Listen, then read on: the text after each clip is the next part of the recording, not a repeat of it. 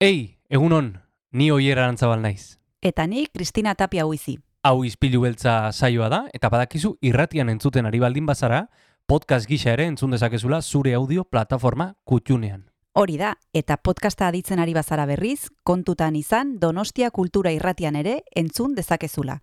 FM eundazazpi puntu lau frekuentzian. Sare sozialetan ere topatuko gaituzu noski, izpilu beltza bilatuta, Instagram, Facebook eta Twitterren. Besterik gabe, guazen gaurko saioarekin. Az gaitezen,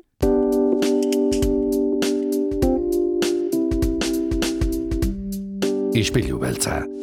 Donostiako kulturaren berri, Oyer Arantzabal eta Kristina Tapia buizirekin. Egun honen zule azaroak amaika ditu San Martin eguna da, eta hau, izpilu beltza. Egunon, Kristina. egun on oier, ja ostirala da. Ostirala da, eh, San Martin eguna esaten San genuen. Martin eguna. Eta, eta guk eh, txerrien oiuak baino kultu, kulturaren oi hartzuna ekarko duguna. Hori da, eta gaurko gonbidatua Maria Jose Noain e, dugu, e, jaitzegin genuen berarekin Bai. joan den ikasturtean, e, bera aditua da artean eta arkeologian eta Donostia kulturan eskainiko ditu aurten bi ikastaro, e, erromatarren inguruan eta maien inguruan, eta oso elkarrizketa ederra izango dugu berarekin. Bai, eh, elkarrizketa ederra izango du berarekin, eta gainera, Miguel Arina ere etorriko zaigu, oiko legez liburutegietatik, liburu bat bezapean. Bai, liburutegi nagusitik hain zuzen etorriko zaigu Miguel Arina gaur, eta Jose Balesen kabaret biarritz liburua aukeratu du berak. Eh, bueno, liburu hori ezagutzeko gogo handiz, Kristina. Mhm. Eh, esan bezala bi konbidatu hauekin eh, beteko dugu gaurko saioa, eta noski eh, Jon Gartziaren musikarekin. Hori da, guazen e, bere baimararekin gaurko saio astera. Guazen.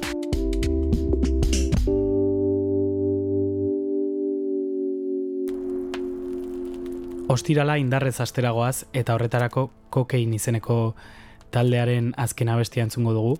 Bertan kolaborazioa egin dute Kiliki Fresko Chill Mafiako abeslarietako batekin eta alaxe deitzen da ispiluari begiratzean. Egunon. Ispiluan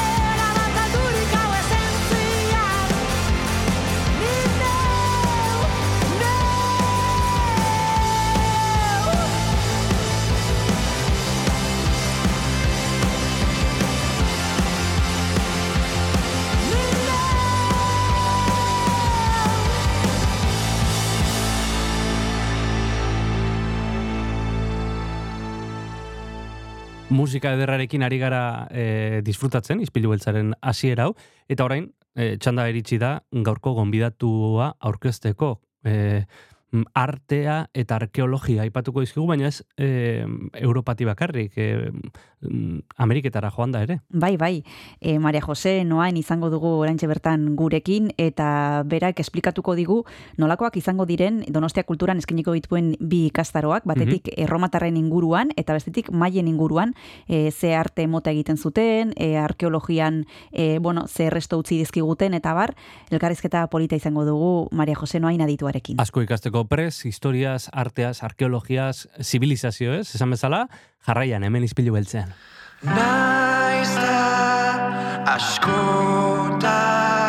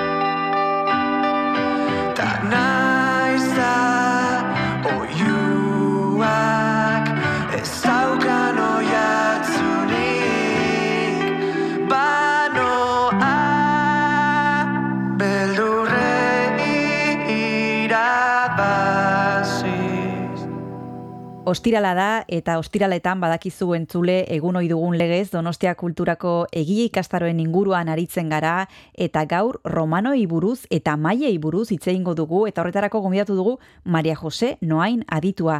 Egunon Maria José, ¿qué tal estás? Egunon, muy bien. Encantada de charlar contigo. Bueno, eh, hace unos meses hablamos contigo a raíz de los cursos que impartías el curso pasado en Donostia Cultura. En esta ocasión te llamamos porque vienes con cursos nuevos. Por un lado, uno que se titula Arte y Arqueología en la Antigua Roma y por otro, Los Mayas, Arte y Arqueología.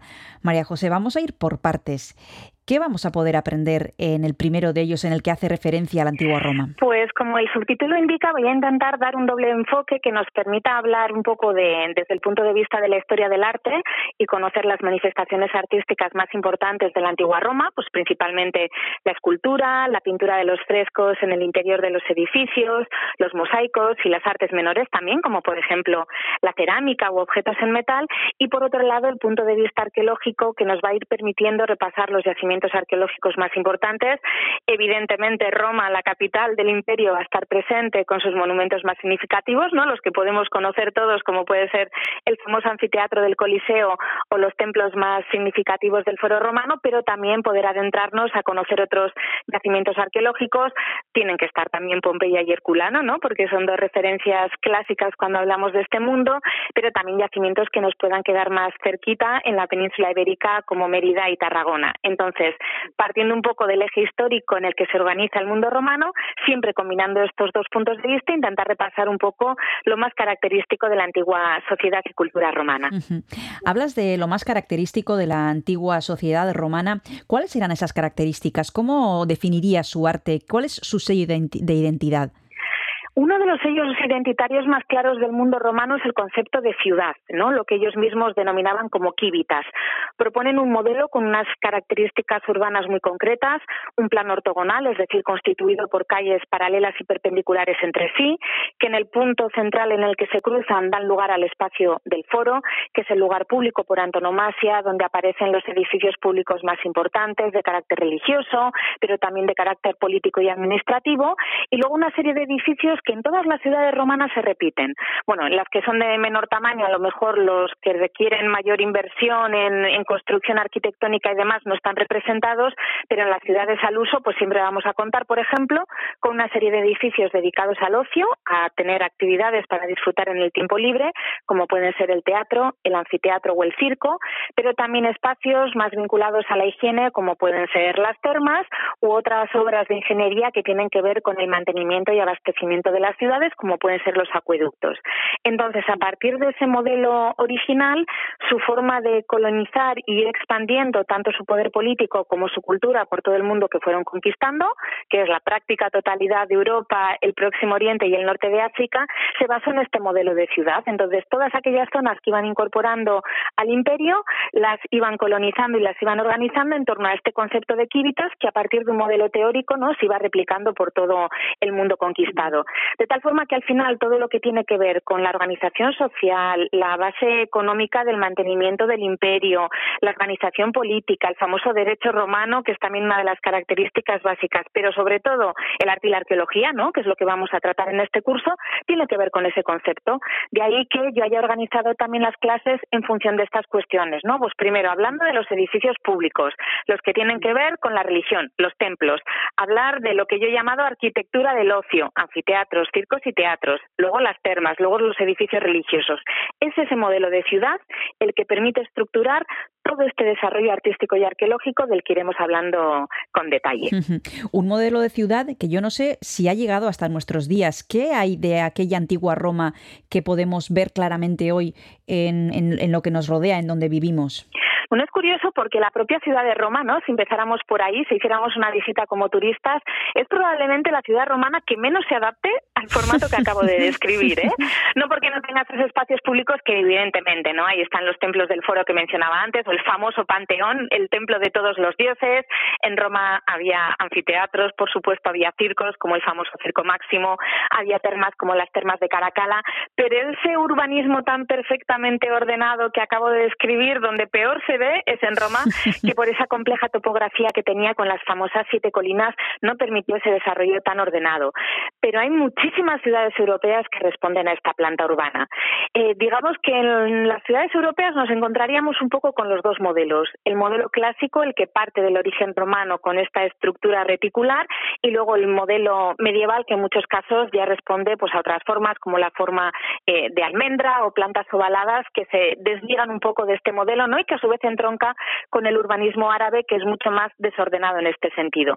Pero lo curioso también es que luego cuando en las ciudades europeas, sobre todo a partir del siglo XVIII y XIX, se van generando los ensanches, y esto lo vemos súper claro en Donosti, ¿no? Pues con, con toda la zona, pues que a partir del bulevar hacia el Buen Pastor se va construyendo, esos ensanches que son ya de época contemporánea recuperan y responden también a ese modelo perfectamente organizado del mundo romano, con lo cual, bien porque se ha mantenido la estructura original de hace dos mil años, bien porque se ha replicado en los ensanches de época moderna, el urbanismo romano lo podemos contemplar hoy en día en muchísimas de las ciudades que habitamos y que conocemos.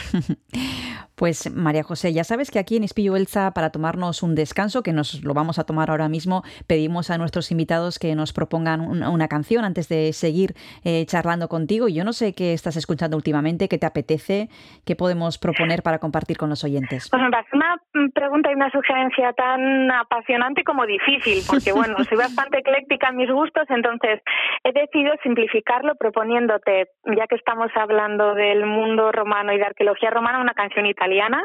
No nos vamos a ir a 2000 años de la antigüedad, pero sí es una referencia para mí muy significativa de los años 90, eh, un grupo que por aquel entonces escuchaba mucho, que era Banda Basotti, sobre todo a partir de un, porque además era vinilo, un LP que compré precisamente en Italia, que era un recopilatorio, se llamaba Bala de Defendi, y una de las canciones que más me gustan de ese LP es, es Veglia, de Banda Basotti. Perfecto, pues vamos a escuchar a Banda Basotti.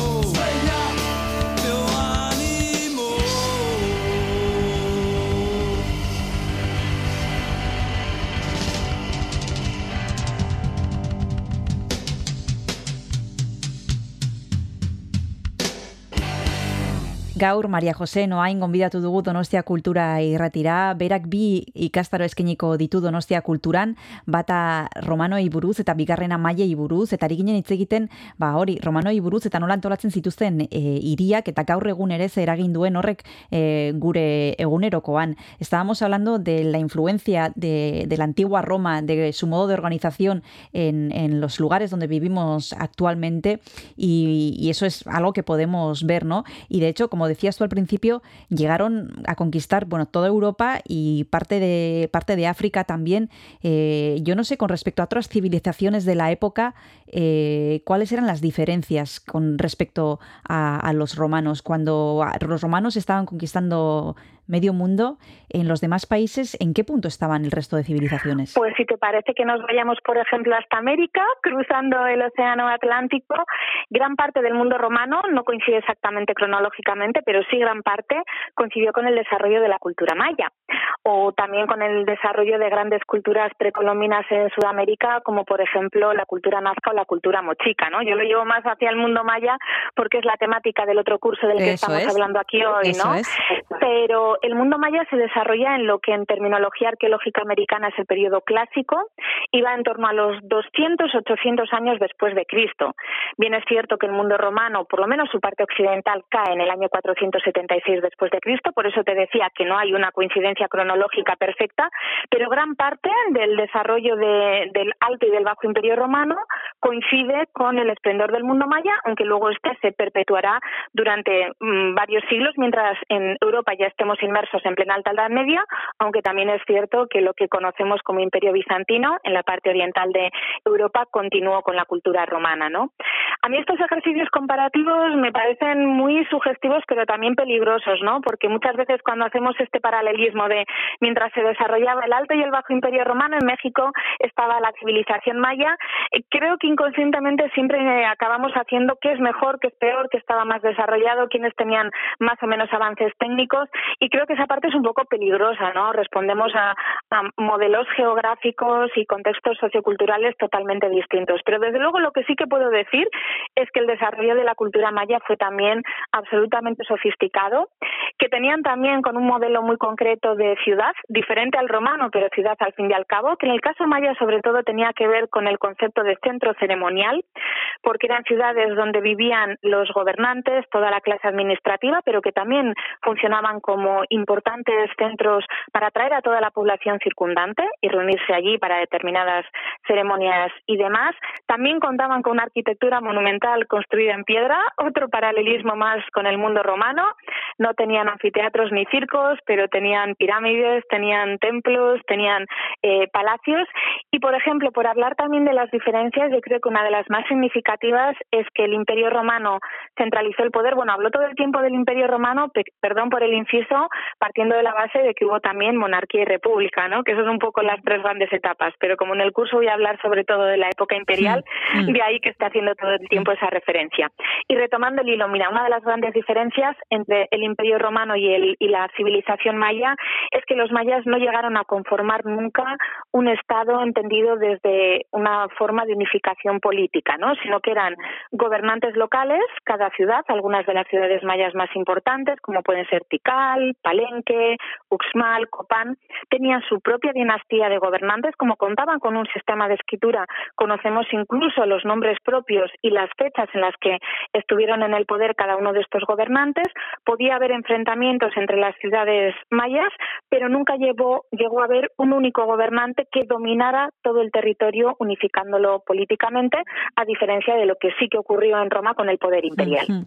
Cuando hablas de todo el territorio, María José, eh, y cuando hablamos de los mayas, ¿a qué lugares eh, hacen, haces referencia? El, el núcleo del mundo maya está en México, sobre todo lo que es en la península del Yucatán, pero también hay amplias zonas de Honduras, de Guatemala y de Belice que formaron parte del mundo maya. Algunas de las ciudades que acabo de citar, por ejemplo, están en estos territorios. ¿no? Tikal está en Guatemala, Copán está en Honduras, mientras que las que probablemente sean las más conocidas, como Palenque, Uxmal o Chichen Itza, que tuvo una Sí. ocupación tardía en época posclásica, pero que también se considera una ciudad maya, están en México, en esa zona además espectacular que es el Yucatán, Mm. con una vegetación exuberante y con esas maravillosas playas tropicales. Mm. Hablas de sofisticación cuando hablas de los mayas. Eh, los mayas, sin embargo, es un concepto que a todos nos suena, ¿no? Sin embargo, no sé si sabemos del todo eh, y conocemos eh, bien eh, lo que suponen, porque cuando hablas de sofisticación, por ejemplo, ¿a qué te refieres? Me refiero, por ejemplo, a los conocimientos científicos, que fueron impresionantes. Antes, para empezar, he mencionado de pasada la escritura, ¿no? Los mayas tienen la llamada escritura glífica, glifo no es más que un símbolo, un signo, que ha costado muchísimo tiempo descifrar, incluso todavía sigue habiendo sesudas investigaciones para intentar entender exactamente qué quieren decir estos glifos mayas, porque algunos son de carácter fonético, pero otros son ideográficos. ¿eh? Para entendernos, nuestra, nuestro alfabeto es fonético, cada símbolo representa un sonido, mientras que hay otras escrituras, como en parte la jeroglífica, que cada símbolo representa un concepto, ¿no? Esas son un poco las dos diferencias muy, muy básicamente explicadas. Pues la escritura maya combina los dos, lo cual ya implica una sofisticación tremenda. Conceptos que nos pueden parecer tan básicos como el número cero. Los romanos no lo utilizaban. Los mayas sí, ¿no? La ausencia de una cantidad es un concepto que te digo que nos parece tan obvio hoy en día que ni nos paramos a pensar que alguien tuvo que inventarlo. Los conocimientos astronómicos asombrosos tenían la capacidad, que además esto me lleva a un cuento precioso de Augusto Monterroso que se titula El eclipse y que recomiendo la lectura. Tenían la capacidad de predecir cuándo se iban a producir los eclipses solares y lunares porque conocían perfectamente el movimiento de los astros o el calendario, que era también muy sofisticado. Tenían dos calendarios, uno de mm, que se basaba en el ciclo solar, ¿no? En los 365,25 días que tarda la Tierra en dar una vuelta al Sol, pero también lo combinaban con otro calendario que era el lunar, que se basa en el ciclo de 28 días, que es el tiempo en el que la Luna tarda en dar una vuelta a la Tierra, ¿no? Entonces, el conocimiento de esos dos calendarios basados a su vez en el conocimiento astronómico y cómo hicieron todo un diseño cosmogónico relacionado con la religión y con el mundo de, los creencia, de las creencias de cómo se iban eh, coordinando, cómo se iban juxtaponiendo esos dos calendarios con un sistema como de engranajes, que es luego lo que ha dado lugar al mito bastante mal explicado del famoso fin del mundo según Mm, los mayas, mm. que iba a producirse, no sé, en 2001, Sí, no sé sí, cuándo fue, sí. y luego también se habló del 2020. En ningún momento el mundo maya habla del fin del mundo, sino que es el final de uno de estos ciclos calendáricos en los que el calendario solar y el calendario lunar se ponen, digamos, a cero, pero siempre con una concepción cíclica del tiempo. Nada se termina, sino lo único que ocurre es que termina un ciclo y empieza el siguiente. Bueno, pues nosotros vamos a terminar este ciclo proponiéndote y pidiéndote, perdón, eh, que nos propongas otra canción. Antes eh, hemos escuchado una canción italiana y ahora que estamos hablando de la cultura maya, yo no sé qué nos vas a proponer, María José. Pues creo que ya intuyes que os voy a proponer una canción mexicana. Sí.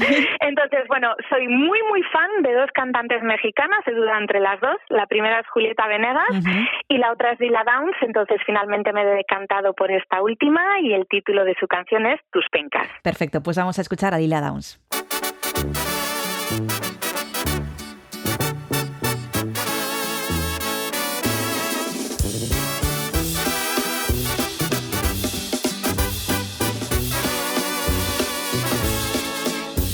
Deseo que vayas conmigo y que me acompañes.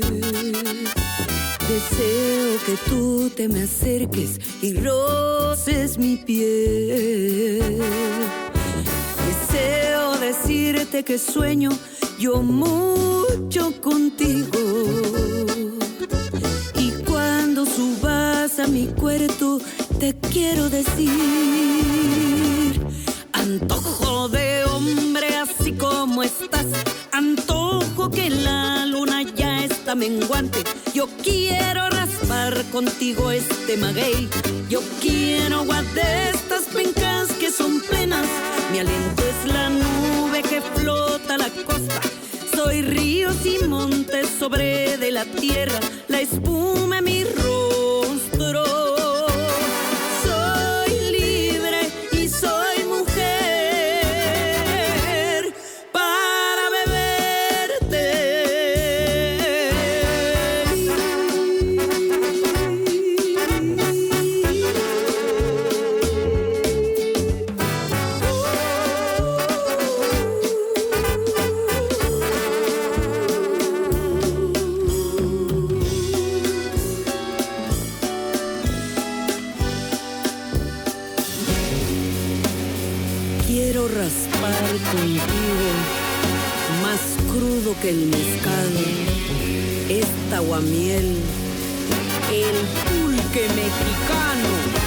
Deseo que tú a mí me mires de allá y me veas desde lejos.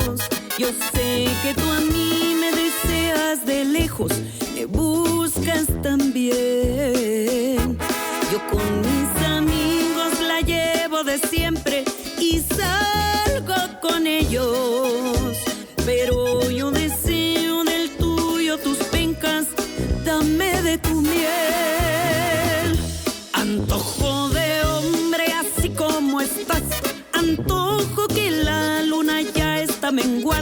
Yo quiero raspar contigo este maguey. Yo quiero agua de estas pencas que son plenas. Mi aliento es la nube que flota a la costa. Soy ríos y montes sobre de la tierra. La espuma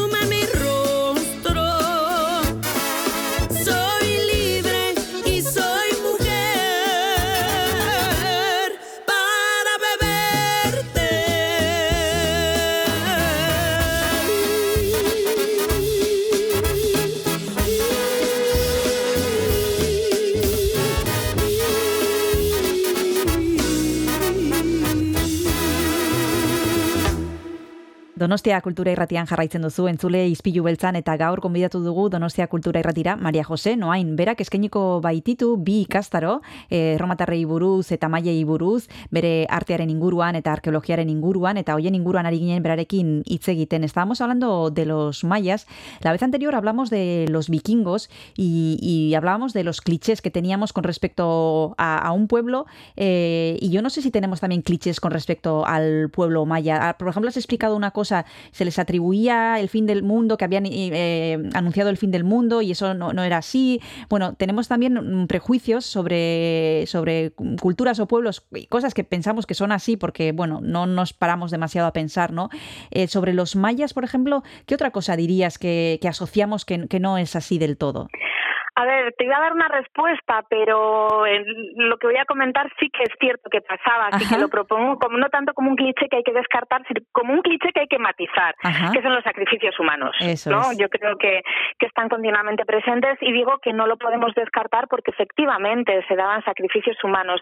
Bien es verdad que estos fueron muchos más cruentos y repetitivos en el mundo azteca, ¿no? que es una cultura posterior en el tiempo, que es así que se constituyó como un imperio que dominó gran parte de México y en el mundo maya no eran tan salvajes como la imagen que podemos tener o como la realidad que nos presenta el mundo azteca, pero evidentemente existían. El matiz pasa que no somos quienes para juzgar lo que bueno se desarrolló y se definió en otras culturas de épocas pasadas y sobre todo con un contexto sociohistórico tan distinto. Quiero decir, sí creo que ahora, mm, con cierto respecto hacia las diferencias étnicas, evidentemente, pero cuando se dan eh, cuestiones que claramente atentan contra los derechos humanos, me da lo mismo que sea la pena de muerte. Me estoy yendo por las ramas, pero no lo puedo evitar. Me da lo mismo que sea la pena de muerte o cuestiones de igualdad no respecto al papel de la mujer. Sí creo que estamos en posición de intentar que evitar que pase. Pero cuando estamos hablando de una civilización que tuvo lugar hace 1500 años, nos tenemos que desprender de- de esos prejuicios, ¿no? Y entender que todo responde a ciertas necesidades y dentro de su mundo de, de creencias era imprescindible llevar a cabo estas prácticas del sacrificio humano, básicamente para tener contentos a los dioses, ¿no? Y evitar que se produjeran, pues por ejemplo, fenómenos meteorológicos que en la zona del Yucatán y del Caribe son lamentablemente muy frecuentes, ¿no? Como los huracanes. Otra cuestión que siempre pensamos en, bueno, y les abrían el pecho, les arrancaban el corazón, que vuelvo a decir que esto es más azteca que maya, pero también tenían un concepto del que no se nos habla tanto, que es el de autosacrificio.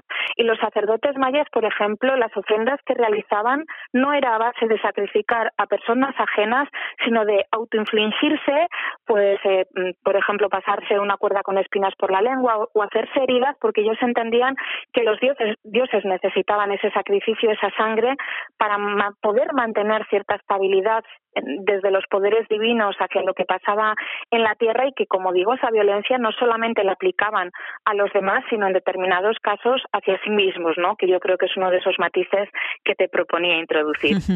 Bueno, esos matices y muchos más son los que podremos disfrutar con María José Noain en los dos cursos que imparte.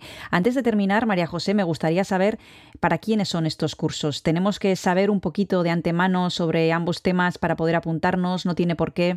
Desde luego, mi punto de partida es que no tiene por qué en absoluto, ¿no? Igual aquí habría alumnos o alumnos o alumnas que lo podrían discutir, porque yo puedo pensar que lo estoy haciendo muy sencillo y didáctico y estar equivocada.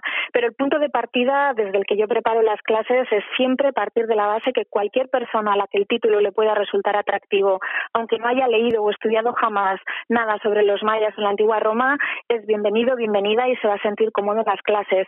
Siempre hay un público heterogéneo, siempre puede pasar que haya alumnado más aventajado, ¿no? Pero intento darlo partiendo de la base de que nadie tiene por qué saber nada. Aquellos alumnos que, bueno, pues les resuene porque ya lo conocen de antemano avanzarán más o lo completarán con bibliografía si les apetece y aquellos que no sepan nada del tema espero que se sientan totalmente cómodos porque desde luego esa es la intención. Bueno, esa es la intención y yo creo que la cumples porque ya te lo dije la otra vez, tus cursos no son de los que cuesta llenar. Eh, están ahí siempre, hay, suele- suelen quedar pocas plazas y se agotan rápido. O sea que, bueno, como hemos dicho aquí a los oyentes y como hemos recomendado, eh, tienen dos ocasiones para poder profundizar un poquito más sobre estos dos temas, arte y arqueología en la antigua Roma y los mayas, arte y arqueología, gracias a la sabiduría de María José Noain. Muchísimas gracias por haberte acercado a Ispiu Elsa, como siempre, y un abrazo. Hasta la próxima. Muchísimas gracias a ti. Un saludo a todos y todas.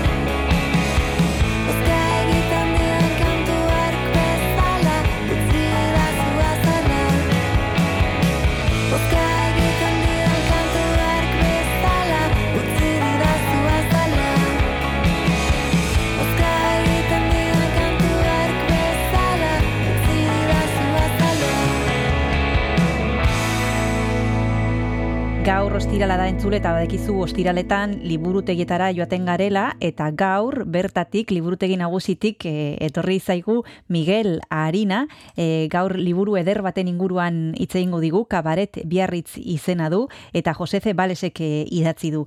Egunon, Miguel, zer modu zaude? Egunon. Bueno, ¿qué tal? Eh, ¿Qué tal estáis en las, en las bibliotecas? Bien, la gente ya está volviendo y parece que hay como más ambiente, ganas de leer y de moverse, de salir a la calle, yo creo que es buena señal. Qué bien. Bueno, como hemos dicho en la introducción, hoy nos traes un libro, Cabaret Biarritz, y lo primero de todo nos gustaría saber por qué has escogido esta novela. Bueno, yo normalmente le suelo dar una, una especie de opción al azar para, para elegir libros y para, para más cosas, ¿no? Y bueno, este libro me coincidió que después de bastante tiempo a Biarritz, pues un día por, por un asunto con, con mi hija, pues estuve en Biarritz todo un día, desde las 7 de la mañana hasta las 5 de la tarde, y pasé por sus calles y bueno, me tomé un café en un sitio, eh, visité el hotel, el palacio, las playas, y, y de ahí a pocos días de repente apareció, bueno, y recuperé sensaciones que tenía con esa ciudad, que es una ciudad es, es especial y aparte de, muy bonita y tiene, tiene algo distinto. Y de ahí a unos días pues apareció un libro en, en una balda, lo vi y se titulaba Cabaret Biarritz. Y ojeé, ojeé un poco la contraportada, el autor y tal, y me pareció que, que era el libro que me tocaba en ese momento leer. Bueno, y vamos a entrar poco a poco en la sinopsis Sí. eh, de esta propuesta de José C. Vales, que vamos a, a comentar, que es un autor eh, nacido en Zamora en el año 65, eh, también, además de escritor, es filólogo y traductor, y que con este libro, con el libro que nos has traído hoy aquí, Cabaret Biarritz, ganó el premio Nadal en 2015. Eh, Eso es. la sinopsis, Miguel, ¿qué nos cuenta? Vale, en principio eh, el libro está catalogado como si fuera una novela eh, policíaca, una novela negra. Pero yo creo que es una simplificación tomarlo como tal. Eh, toda la toda la historia, todo el argumento se mueve alrededor de unas muertes sucedidas en Biarritz el año 1925. Estamos yéndonos a hace 100 años, a la época de la Belle Époque, y entonces eh, hay unas muertes que luego comentaremos cómo se van produciendo y en principio no se sabe si son casuales, si son si han sido provocadas, etcétera. Entonces, a raíz de, de este de este punto de arranque con estas muertes eh, se monta toda toda la trama de la novela. Tú dices que no la catalogarías como una novela policíaca, una novela negra. Eh, ¿Qué te ha sugerido a ti? Eh, no sé si la podrías eh, etiquetar de alguna manera o es algo así un poco diferente. Claro, es que es algo diferente, es algo, bueno, lo- lo- es, es polifónica. Eh, a mí me gusta porque tiene, está basada como desde muchos puntos de vista. Entonces, a mí me plantea en la relación esta que existe entre la literatura y la realidad. Es decir, Mm, qué es real, qué es verdad, qué no es verdad. Y esta novela, lo que tal como está, tal como está escrita, plantea el asunto de la multiplicidad de los puntos de vista. Es decir, eh, bueno, eso se puede contar. El- la estructura de la novela es eh, estos hechos que sucedieron en 1925. Hay un, un personaje que se llama George Miet, que es, es una especie de periodista que se dedica a entrevistar a gente que tuvo de algún modo relación con aquellos sucesos. Entonces, el libro son, cada capítulo es una entrevista con un personaje diferente que tuvo algo que ver. Entonces se va montando toda la estructura a raíz de eh, la visión que tiene cada personaje, cada persona que va contando acerca de lo que sucedió. Entonces, la, la propia realidad, los propios hechos, se van modificando en función de quién los va contando. Bueno, una novela polifónica que ha gustado a Miguel Harina. Ahora mismo vamos a seguir hablando de Cabaret Biarritz, pero nos vamos a tomar el primer descanso. Miguel, y ya sabes que te voy a pedir una canción. Yo no sé qué has pensado para, para este primer hueco para compartir con los oyentes. Sí, bueno, eh, mira, tal como hemos comentado que la gente está volviendo a las bibliotecas, a las calles, que el, el tema está muy serio en todas partes y hay, hay una canción que a mí me hace mucha gracia que es la de Dramas y Comedias de Alaska, que cuenta justamente lo contrario. Perfecto, pues vamos a escuchar Alaska. No quiero más dramas en mi vida, solo comedias entretenidas. Así que no me vengas con historias de celos, llantos y tragedias, no. llamas para lo de siempre. No te molestes, no me interesa ya. Lo repito por si no lo entiendes. Me cansa estar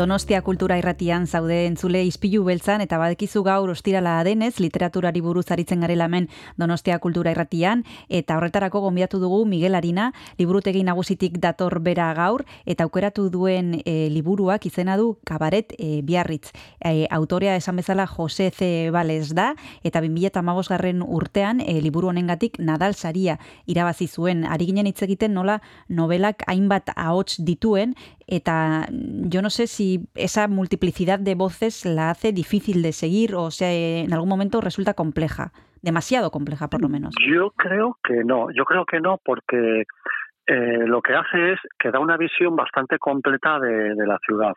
Estamos en una ciudad, además estamos hablando de, bueno, de un mes de agosto en el cual en el, en el Biarritz de, este momento de la Belle Époque se juntaba la gente que se acercaba como turistas, gente de la nobleza, gente y gente protegente del pueblo. En este caso me he hecho así eh, un poco por encima un listado en el cual las gentes que hablan respecto a lo que va sucediendo hay desde gendarmes, hay secretarios judiciales, hay cocineras, hay bailarinas, hay artistas, hay nobles, hay reporteros, hay periodistas, o sea, todo todo el, panorama social de la ciudad desde tanto desde los de abajo como hasta hasta los no, los que van al casino, los que van a los al, al gran hotel de, de Biarritz, Eh, entonces todos eh, todos aportan su lo que decía su punto de vista su perspectiva. Entonces la visión es muy completa y más que perderte lo que lo que ocurre es que se va completando la la, la visión de la historia y de lo sucedido y tal como decía, eh, los hechos que en principio eh, lo que planteaba como una novela policíaca, hay veces que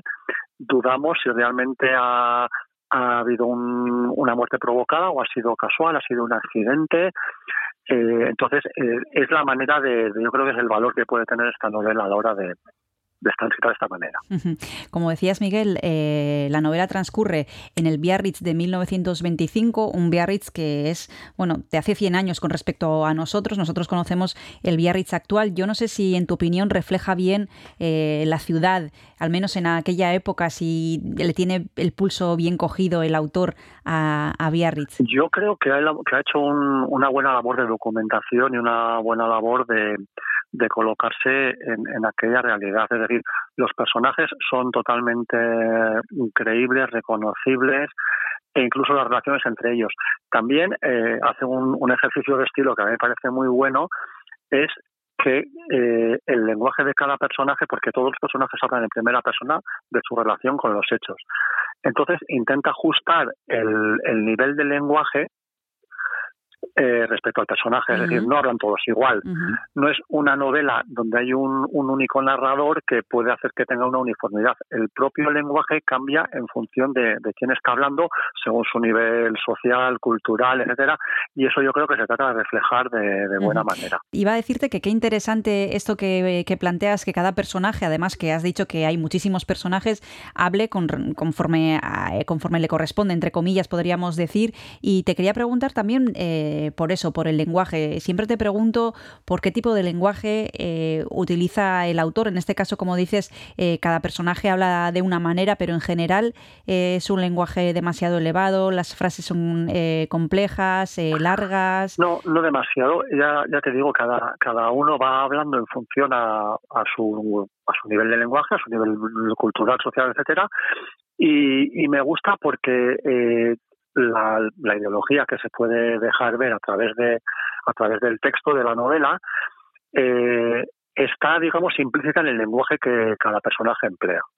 Quiero decir, a la hora de hablar, eh, pues digamos o no, eh, concretamente nues- las ideas que queremos expresar, pero se refleja siempre, pues hay como un, un ambiente, un, un halo que tiene cada, cada persona que refleja su forma de ver el mundo, su forma de comprenderlo. Y aquí cada personaje, pues de- deja que se vea. Hay un, hay un personaje muy, no sé, en cierto modo es muy gracioso que se ríen del que es el secretario judicial, que todo lo ve a través de cómo hay que hacer todo con reglamentos y haciendo instancias para todo. Luego hay otro que es un juez.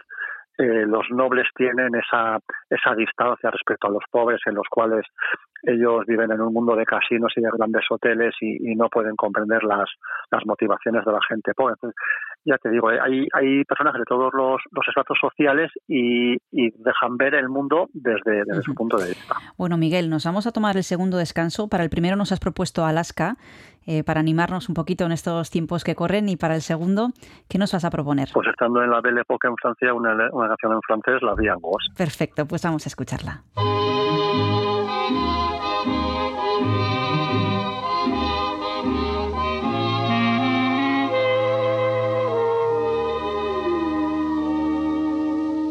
Des yeux qui font baisser les miens, un rire qui se perd sur sa bouche.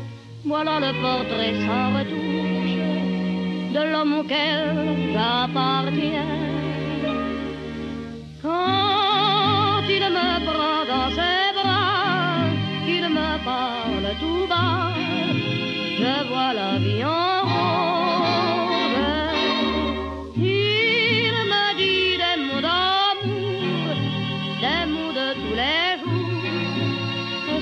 fait quelque chose.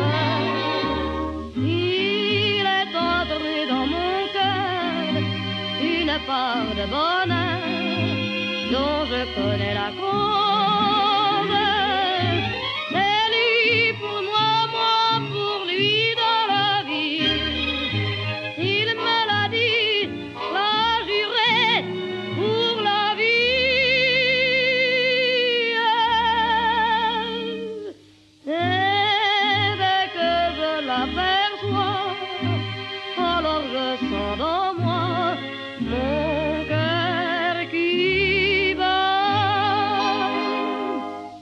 Des nuits d'amour à plus finir, un grand bonheur qui prend sa place, des ennuis, des chagrins s'effacent, heureux, heureux, mourir. Quand il me prend dans ses bras, il me parle tout bas, je vois la vie en rose.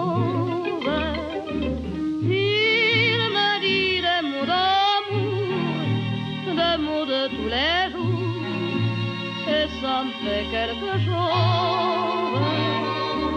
Il est entré dans mon cœur une part de bonheur dont je connais la cause.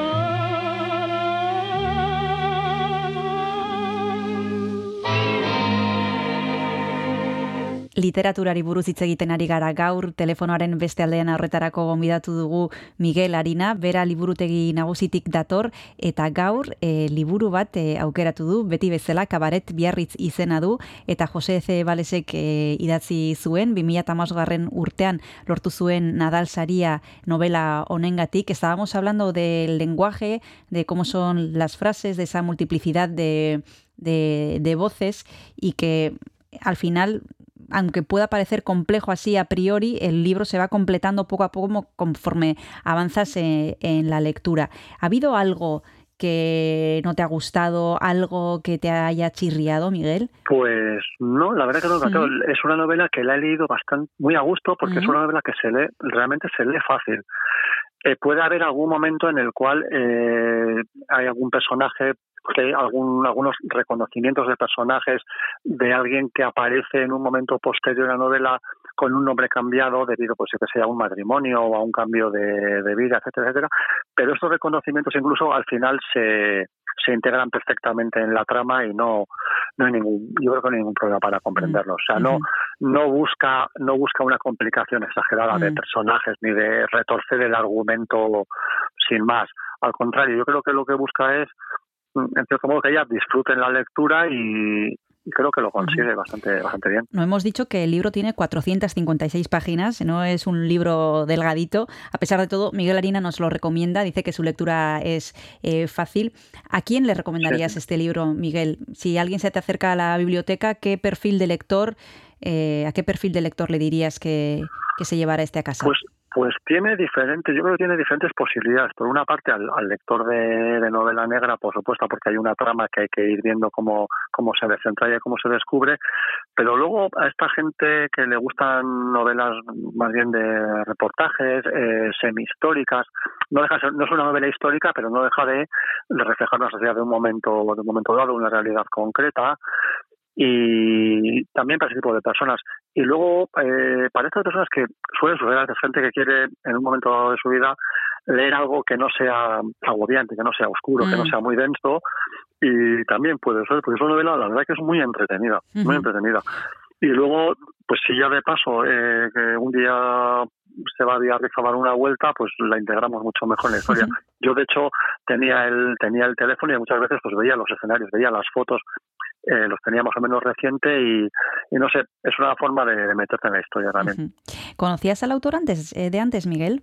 No, no lo conocía, no lo conocía. Eh, me sonaba el nombre así de referencias, pero claro, cuando, cuando ya te digo, como el azar llegué que llegó a la novela sí. y vi que era, era prácticamente de mi edad y, y había hecho filología hispánica como yo, dije, pues tenemos algo en común.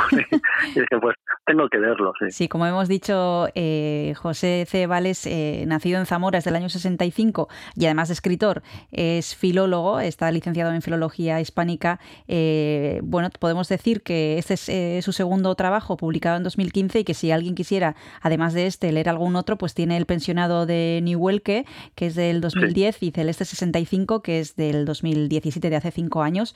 Esos tres eh, libros son los que de momento tiene entre manos este autor, porque también se, educa, se dedica a la traducción, como hemos dicho al principio. Miguel Harina, pues un placer como siempre que nos hayas eh, recomendado esta joya que cayó al azar, por azar, eh, entre tus Sí. manos y que además tenemos la suerte de poder identificar los escenarios perfectamente porque Biarritz nos queda justo al lado, así que podemos eh, matar dos pájaros de un tiro. Muchísimas gracias por haberte acercado como siempre a Ispilu Beltza y por habernos recomendando Cabaret Biarritz. Urrengo arte, besar cada bat. Vale, besarka bat, mila esker. Agur. Agur. Hemen bat bezala Espazioa eta denbora argiago ikusten dira. Hemen ditzen ditut ernesten somaditzak zelatan arrapatzeko zai. Hemen ibilitako bidea zeharkatutako uneak argiago ikusten dira.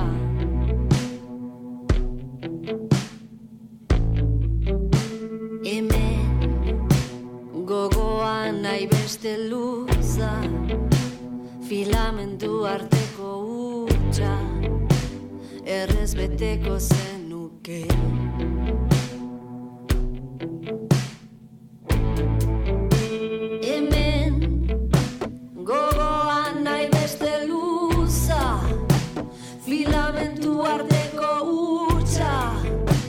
Errez beteko zenuke.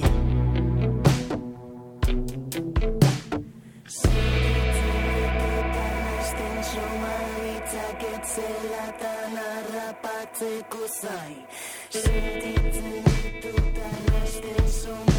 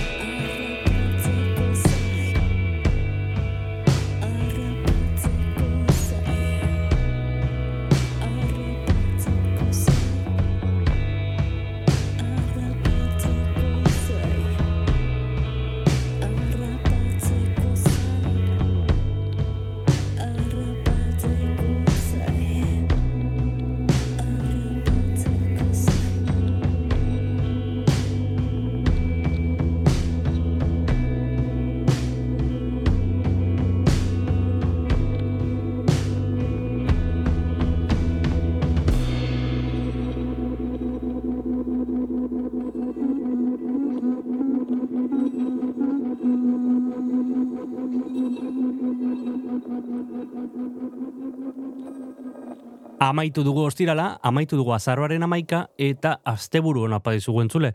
Asteburu hona, astelenera arte, ze orduan itzuliko gara, Donostia Kultura Irratira, ispilu beltzarekin berriz ere.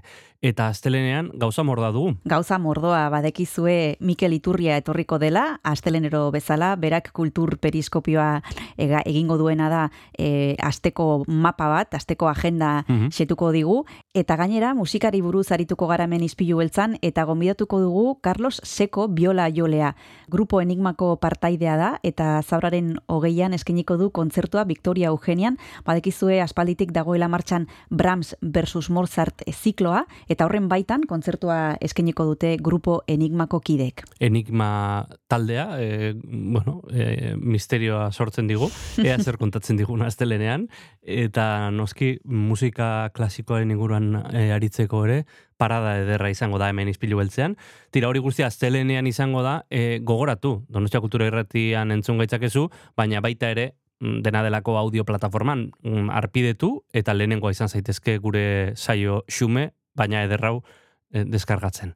Besterik ez, Kristina Besarkat, eta astelenean arte. Asteburu hon.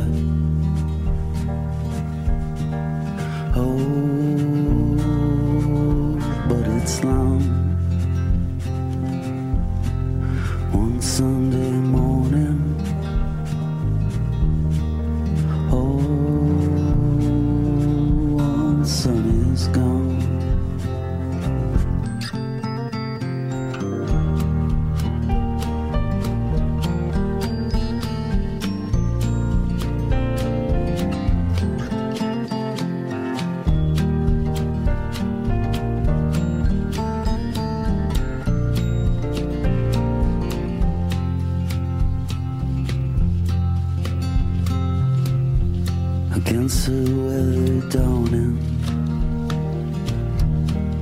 Over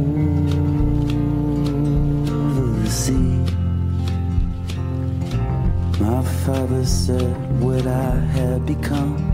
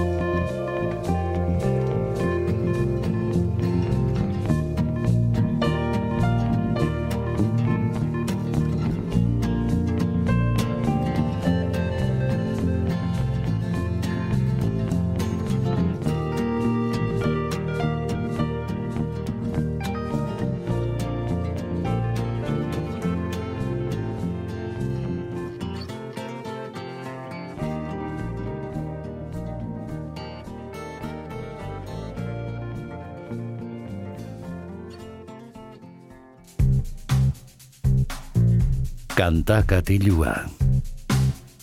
Jon Gartziaren eskutik. Kaixo egunon eta ostiralon entzule iritsi gara izpilu beltzaren amaierara eta asteburuari besarkada bat emateko unera eta horretarako kantakatioan musika jarriko dizuegu e, disko bat jarriko dizuegu egunero egiten dugun moduan e, tira, esan barra dugu e, eguneroko ohitura bezala hartu dugula eta gu pozik gaudela izan ere gustatzen zaigu diskoak entzutea hasiratik amaierara. Eta gaurkoan e, berreskuratu egingo dut ba, askotan aipatzen dudan talde bat. E, nabaritzen zait gustokoa dudala baina ez da besterik gabe gustokoa dudala e, baizik eta diskoak e, txurroak bezala ateratzen dituztela.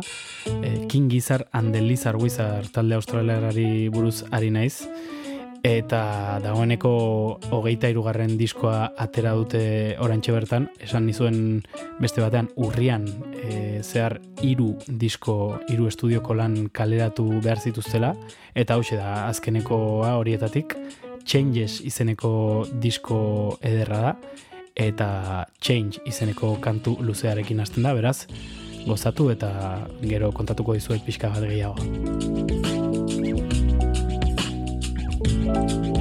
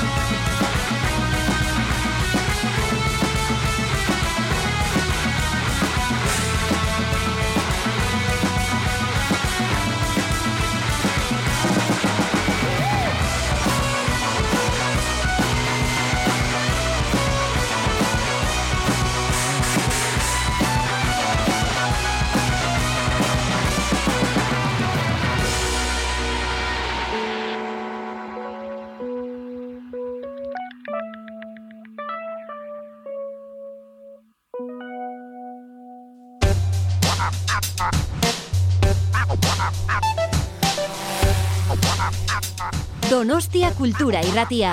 Zabaldu gurekin Donostialdeko kulturaren leioa.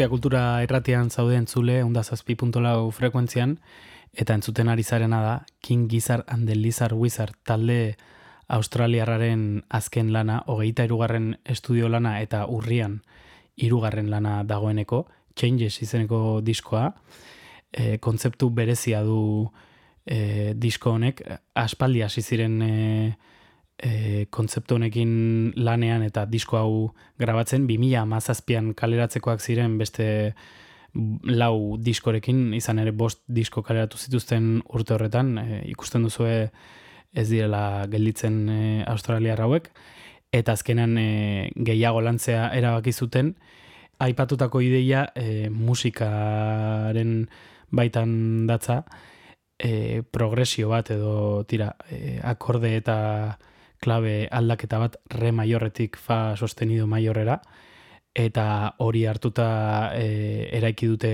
disko hau. Lehen abestia izan zen, ba, ideia honen jatorria, e, esan dezagun, eta hortik eraiki dute diskoaren gainontzekoa. E, haiek aipatu dute esperimentu hori egin nahi zutela eta deskubritu zutela ba, oso ondo sonatzen zuela gainera. Beraz, e, oraintxe argitaratu duten diskoan entzun dezakegu e, zati batzuetan alako ba, aldaketak esaterako entzun dugun AstroTurf e, izeneko kantu honetan, eta entzungo dugun urrengo abestian, hau da, No Body.